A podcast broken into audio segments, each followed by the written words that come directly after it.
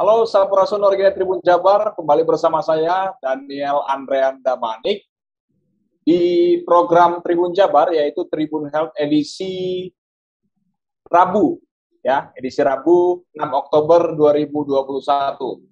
Ya, kami harapkan semua Tribuners yang menyaksikan ini pada tayangan YouTube dan uh, Facebook Tribun Jabar dalam keadaan sehat dan salam sehat buat semuanya. Ya, uh, Tribuners yang uh, yang setia menyaksikan program Tribun Jabar uh, di pagi ini seperti biasa pada tayangan Tribun Health ini kita sudah kedatangan narasumber yaitu Dr. Evi Novitasari uh, MM Master Management ya dokter ya. Selamat pagi, salam sehat dokter. Ya betul. Pagi Mas Daniel sehat ya? Sehat, alhamdulillah. Oke. Okay. Ya, Tribuners, di pagi ini bersama Dr. Evi, kita akan membahas uh, tentang yang hal yang ditunggu-tunggu nih, mungkin para orang tua yang yang memiliki anak sekolah ya, yang sudah rindu atau mungkin sudah pusing mengajari anaknya di rumah. Nah, saat ini pemerintah sudah memberikan kelonggaran, yaitu uh, memberikan kelonggaran terhadap siswa-siswi atau pelajar untuk bisa mengikuti belajar pembelajaran tatap muka, ya uh, pagi ini kita akan membahas tentang back to school, bagaimana agar tetap aman. Oke, okay. ya, Dokter Evi, uh, ini ya. menarik nih tentunya tentang uh, pembelajaran tatap muka yang pemerintah sudah memberikan kelonggaran-kelonggaran. Nah, apa sebenarnya yang harus uh, dilakukan uh, seorang siswa ya untuk bisa tetap nyaman dan bisa menerapkan dan melaksanakan protokol kesehatan, khususnya di saat uh, pembelajaran tatap muka atau PTM. Silakan Ibu. Iya, jadi Mas Daniel, mungkin awalnya saya pribadi Baik. sebagai dokter sekaligus orang tua, saya punya ya. anak satu laki-laki umurnya hampir 9 tahun, ya. jadi udah sekolah nih SD kelas 3, uh, eh, dan saya sebagai dokter juga udah satu setengah tahun nih di garda ya. terdepan ya, ya mulai dari uh, testing, tracing sampai kita juga uh, treatment pasien-pasien COVID ya. Baik. Jadi memang juga sudah turut merasakan jenuhnya ya gitu ya. ya. Jenuhnya capek sama keadaan pandemi ini rasanya merubah kita semua mulai dari sosial, ekonomi, termasuk juga uh, pendidikan gitu ya. Anak harus belajar online ya, kemudian kita juga seperti ini ya, harus Zoom segala ya. macam gitu ya. Nah, uh, dan yang paling utama adalah saya sang saya pribadi sangat mendukung sekolah tatap muka. Nah, kenapa? Ya karena anak-anak itu harus kita ingat adalah salah satu nanti jadi pemimpin kita di masa depan gitu ya. Dan kita pengen punya pemimpin yang mempunyai mental, fisikal, emosional tuh yang uh, apa uh, yang baik gitu ya. Nah ini uh, bagaimana caranya ya salah satunya dengan sekolah gitu ya. Rasanya tidak mungkin uh, dulu saya sempat ng nganterin anak saya sekolah di sekolah tuh kita belajar ekspresi gimana sih kalau gurunya marah gitu ya begitu datang mereka salam sama guru itu kan sopan santun yang yang mungkin kalau pembelajaran daring itu kita tidak dapatkan ya. Namun memang Ikatan Dokter Indonesia ataupun misalnya Ikatan Dokter Anak Indonesia yang memang konsentrasinya di bidang kesehatan anak ini ya memberikan syarat-syarat ya. Dan syarat-syarat ini memang harusnya tidak didiskon nih gitu ya Kang ya. Gitu ya. Karena kenapa sih? Karena uh, kematian, angka kematian atau kesakitan pada anak gitu ya, untuk orang tua mana pun itu pasti sedih gitu. Ya enggak? Betul, Walaupun ya. angkanya kecil sekali gitu ya, itu pasti akan memberikan ya kesedihan. Nah, syarat-syarat ini memang aku udah baca si SKB 4 Menteri itu. Uh, memang ada beberapa yang berbeda dengan rekomendasi uh, dokter Indonesia atau dokter anak Indonesia. Jadi pertama memang syaratnya satu harus cakupan imunisasi harus lengkap gitu ya. I, jadi anak yang mau sekolah harus sudah diimunisasi COVID gitu ya. Uh, berarti it's mean 12 tahun dong, karena kan kita kan oh. masih imunisasinya 12 tahun gitu yeah. ya. Dan anak itu yang pasti sudah imunisasi dasarnya. Kalau di puskesmas uh, atau dokter anak Indonesia tuh ada lima imunisasi dasar kan, mulai dari BCG, DPT, campak dan lain sebagainya. Yeah. Itu udah lengkap dulu. Kemudian boosternya, kemudian yang pasti vaksin COVID-nya, dan kalau saya rekomendasi kalau bagusnya itu sudah di uh, vaksin influenza gitu ya. Nah, ini yang berbeda yang kedua adalah positivity rate. Jadi angka positif ini harus rendah. datanya harus dibuka sebesar seluas-luasnya gitu dan harus diupdate. Dan memang yang berbeda adalah kalau dokter kita maunya screeningnya itu PCR karena gold standar uh, untuk COVID masih PCR, jadi eh, nggak uh, bisa pakai antigen gitu kan. Nah, selain yang diimunisasi anaknya, muridnya harus gurunya ya. Kemudian orang yang di rumah dia itu juga harus sudah diimunisasi. Baik. kemudian segala perangkat sekolah itu harus diimunisasi. Dan harus diketahui anak ada komorbid nggak? Gitu loh. Jangan-jangan nggak tahu nih. Eh, orang tua nggak tahu anak saya punya komorbid apa enggak sih? Komorbid itu apaan sih? Iya, gitu kan? Nah, ah, jangan sampai karena orang tuanya jenuh ah udahlah yang penting sekolah aja gitu kan? Nah anak kita punya komorbid apa enggak? Aku bahas sedikit aja nih tentang komorbid anak. Uh, paling banyak tuh obesitas. Jadi obesitas. berat badan yang lebih. Ha, kemudian anak dengan malnutrisi. Kemudian prematur lahirnya misalnya kurang bulan. Okay. Kemudian ya udah pasti banyak lagi ya autoimun, hipertensi. Ya. Nah, salah satunya asma juga.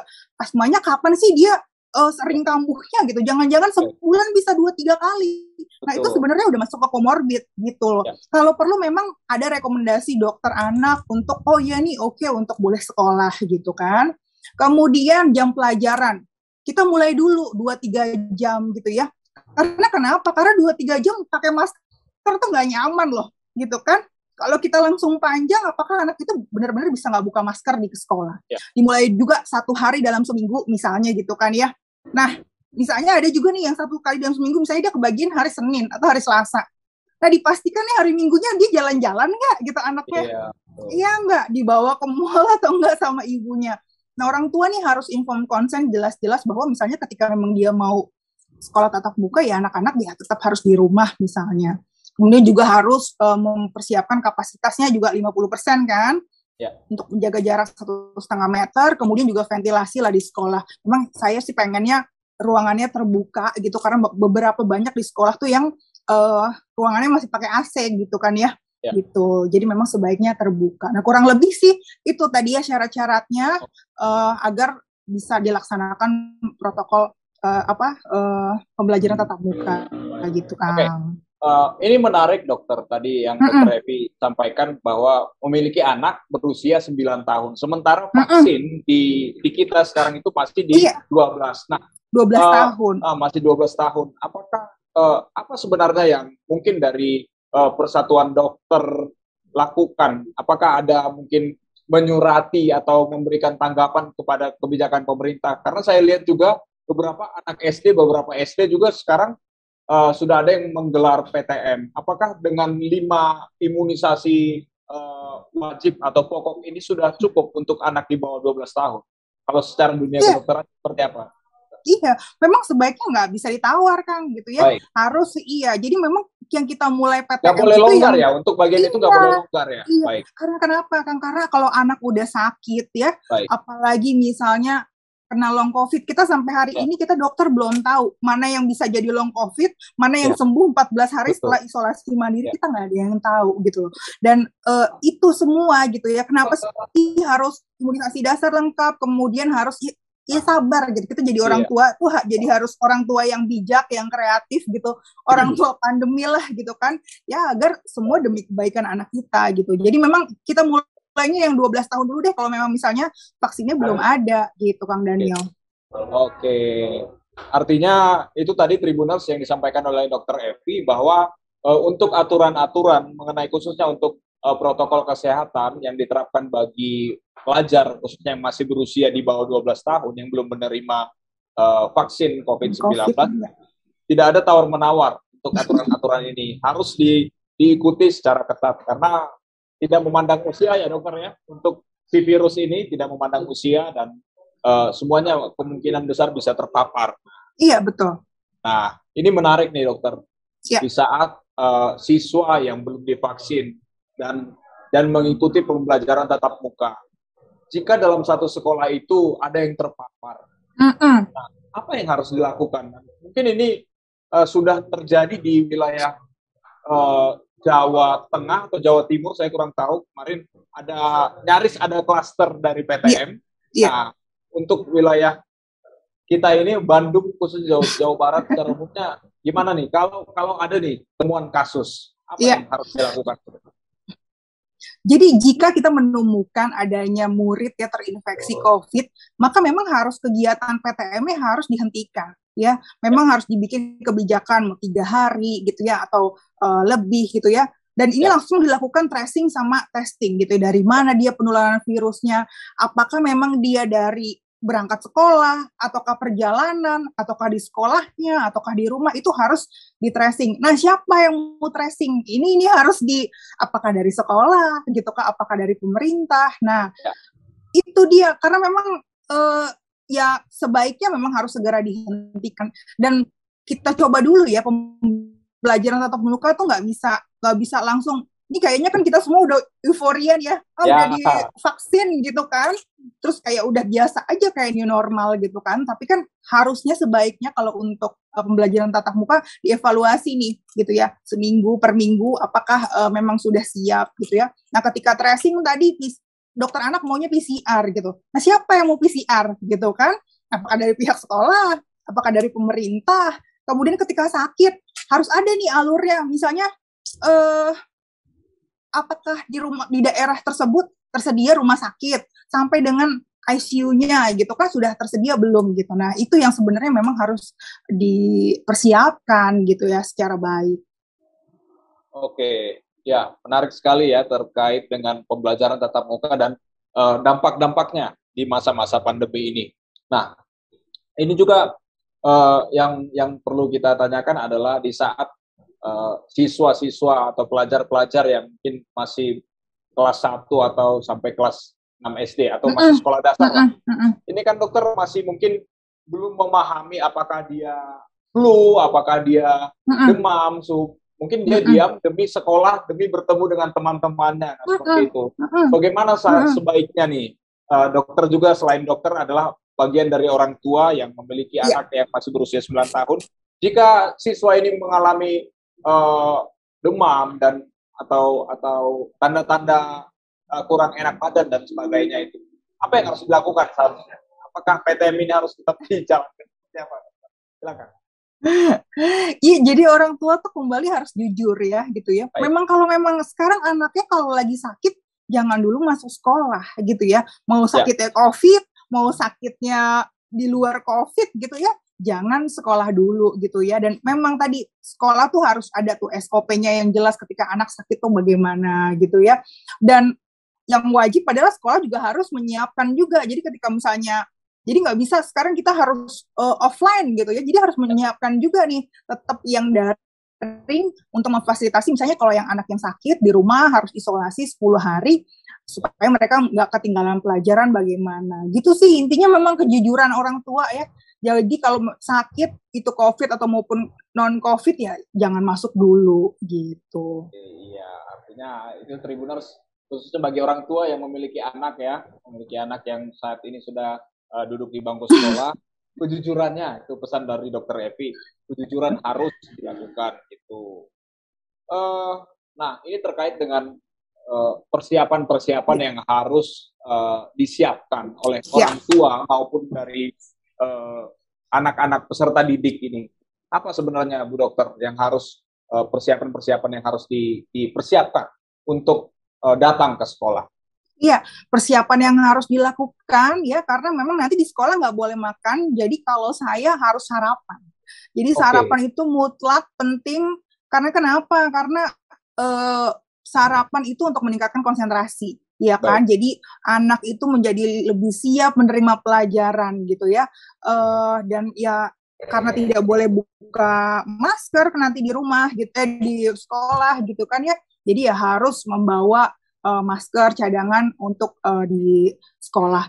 Dan mungkin saya mungkin harapannya ya kayak di Jepang misalnya gitu. Di Jepang tuh anaknya tuh kalau di sekolah tuh ada kayak pembelajaran mengenai bencana atau gempa gitu ya. ya. Nah, saya tuh pengen anak di Indonesia tuh ada pelajarannya sendiri tentang COVID gitu loh.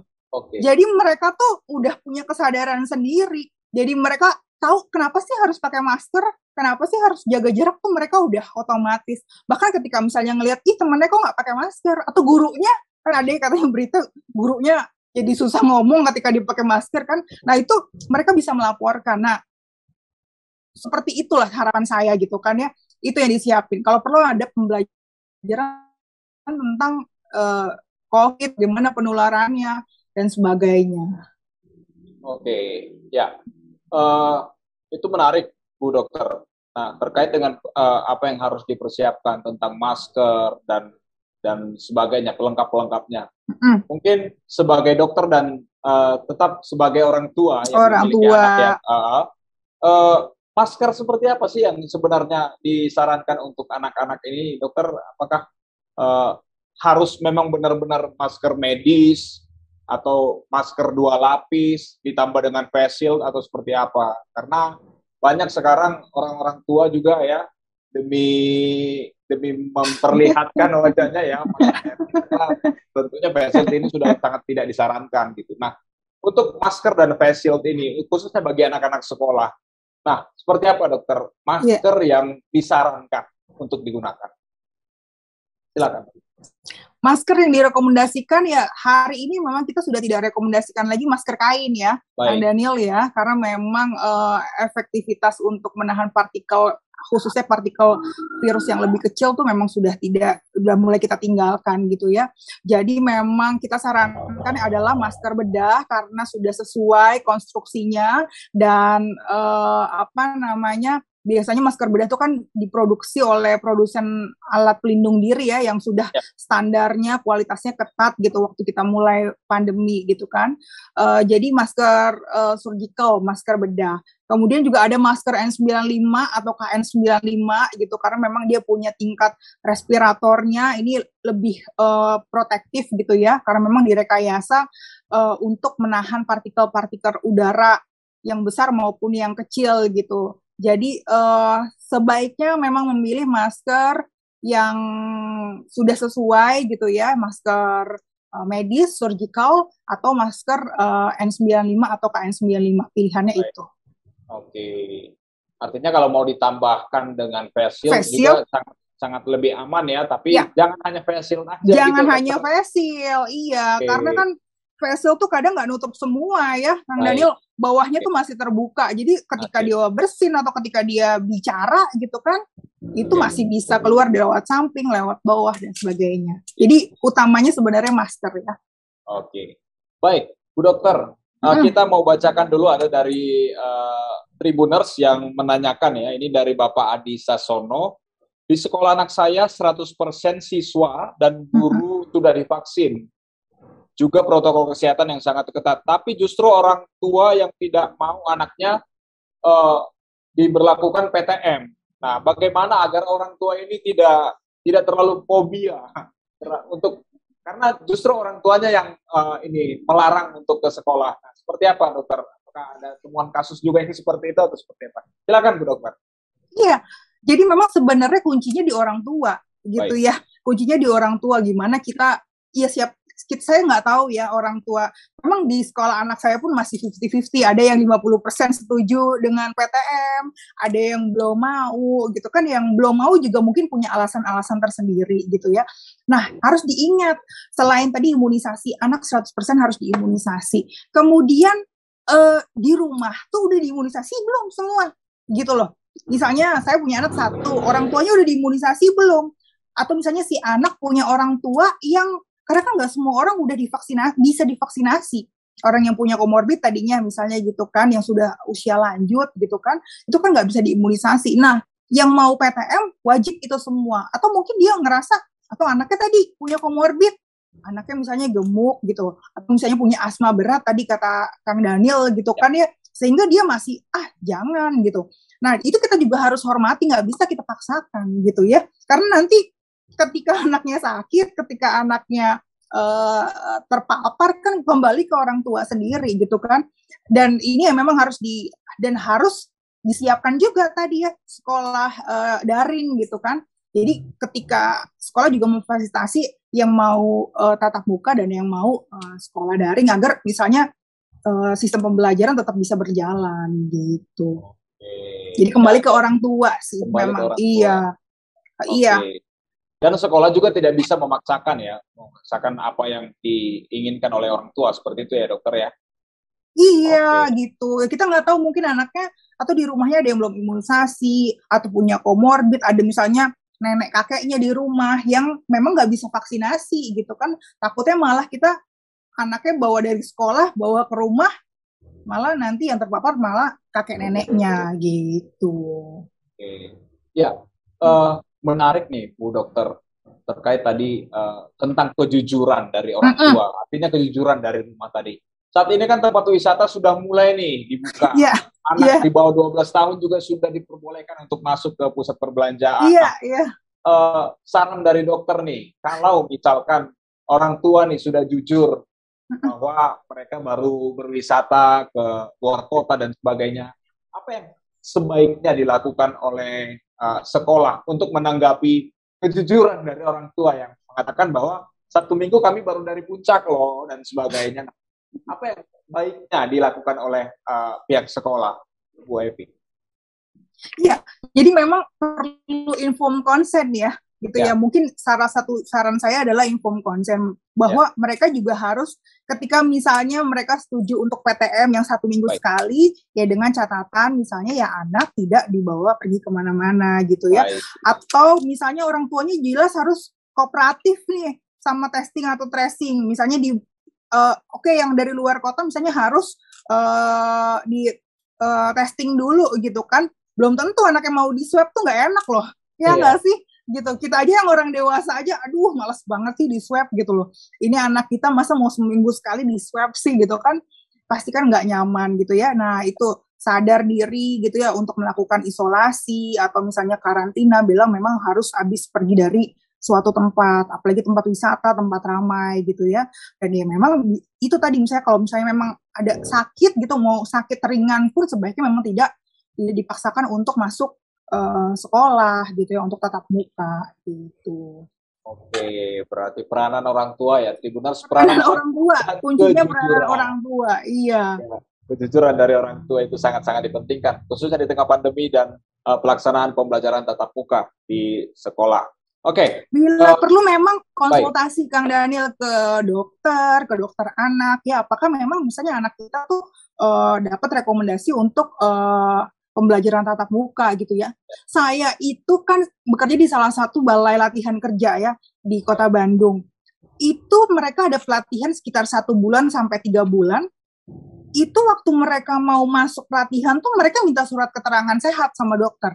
Saya suka dicari-cari dokter di mana dokter di mana ini ada anak baru mau masuk minta surat sehat gitu loh. Nah, kalau perlu memang, nah saya bingung sekarang uh, anak-anak mau masuk sekolah tapi kok nggak ada yang minta surat sehat gitu kan ya? Apakah mereka tahu tentang komorbid? Apakah mereka tahu tentang apa namanya imunisasinya atau lengkap atau belum gitu? Ini saya juga heran gitu.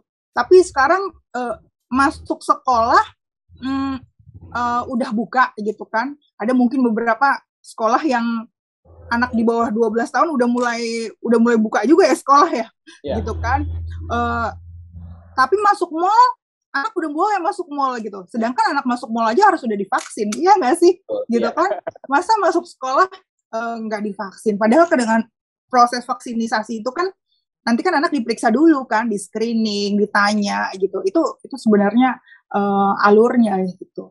Oke, ya itu tadi ya Tribuners ya. Uh, vaksinasi itu sangat penting ya sangat sangat perlu seperti yang uh, disampaikan oleh Dokter Evi juga pada pekan yang lalu ya tentang vaksinasi.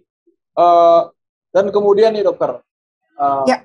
perkembangan dari protokol-protokol kesehatan baik dari 3M yang sampai sekarang menjadi 6M yang yang yang poin-poin penting itu ada di 3M itu adalah salah satunya menjaga jarak ya, menjaga jarak.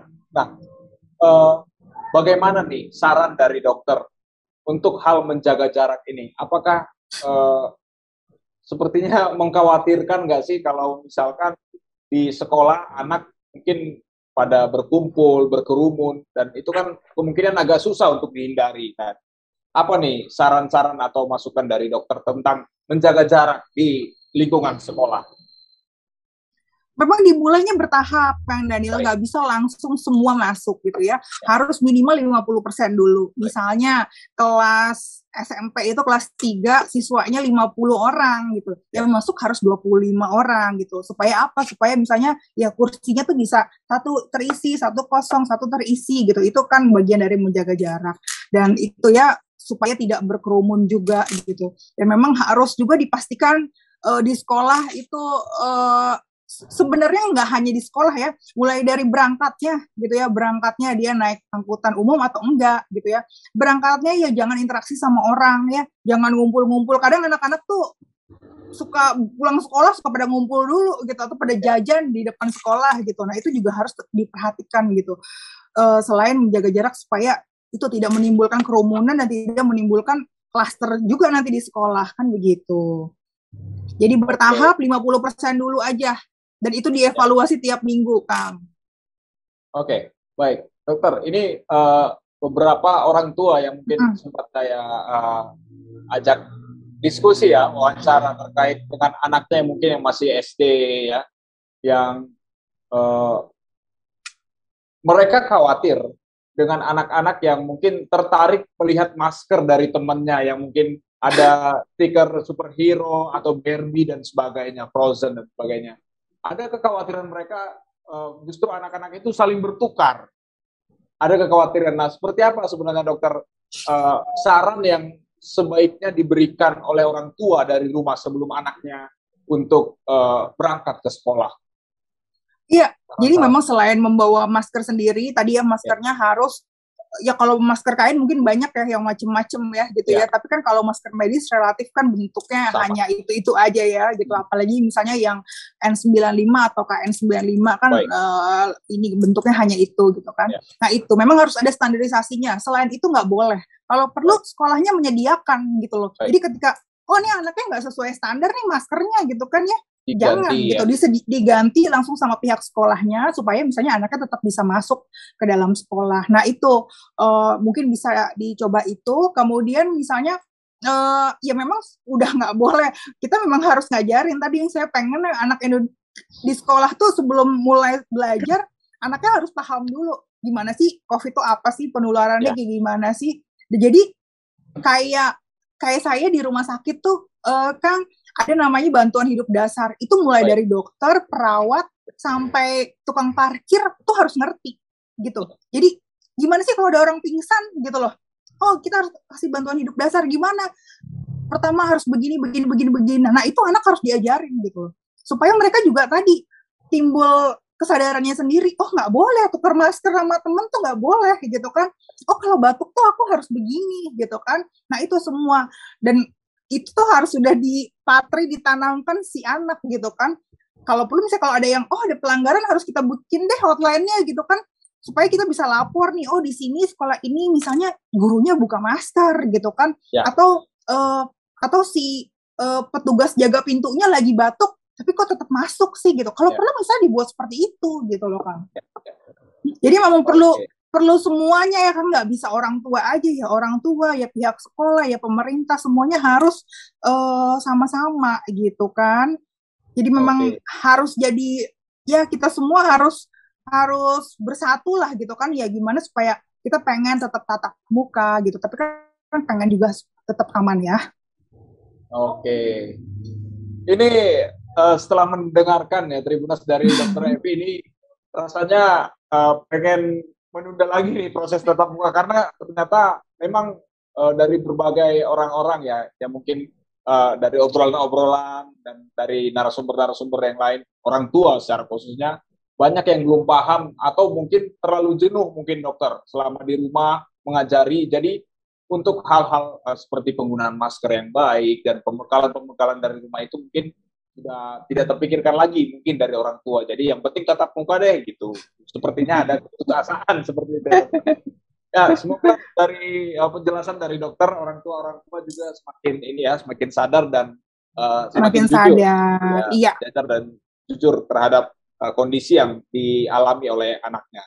Nah, uh, kita membahas tentang bagaimana titik-titik kerawanan selama di sekolah. Sebenarnya seperti apa sih dokter titik-titik rawan dan waktu-waktu rawan uh, anak-anak kemungkinan terpapar dari COVID-19 ini? Apakah uh, ada beberapa sekolah tidak memperlakukan lagi jam istirahat dan hmm. tidak membuka kantin atau uh, kafetaria dan sebagainya. Dan di mana sebenarnya titik-titik rawan uh, untuk di sekolah, dokter? Silakan. Kalau bicara rawan, semuanya rawan ya, Kang Daniel Baik. ya, gitu ya. ya. Mulai dari perjalanan dan bukan hanya muridnya, muridnya, gurunya, pegawai sekolah, gitu ya. ya. Mulai contohnya aja ya, ketika perjalanan gitu ya, dia kan pasti berinteraksi tuh dengan orang banyak yang nggak serumah gitu ya.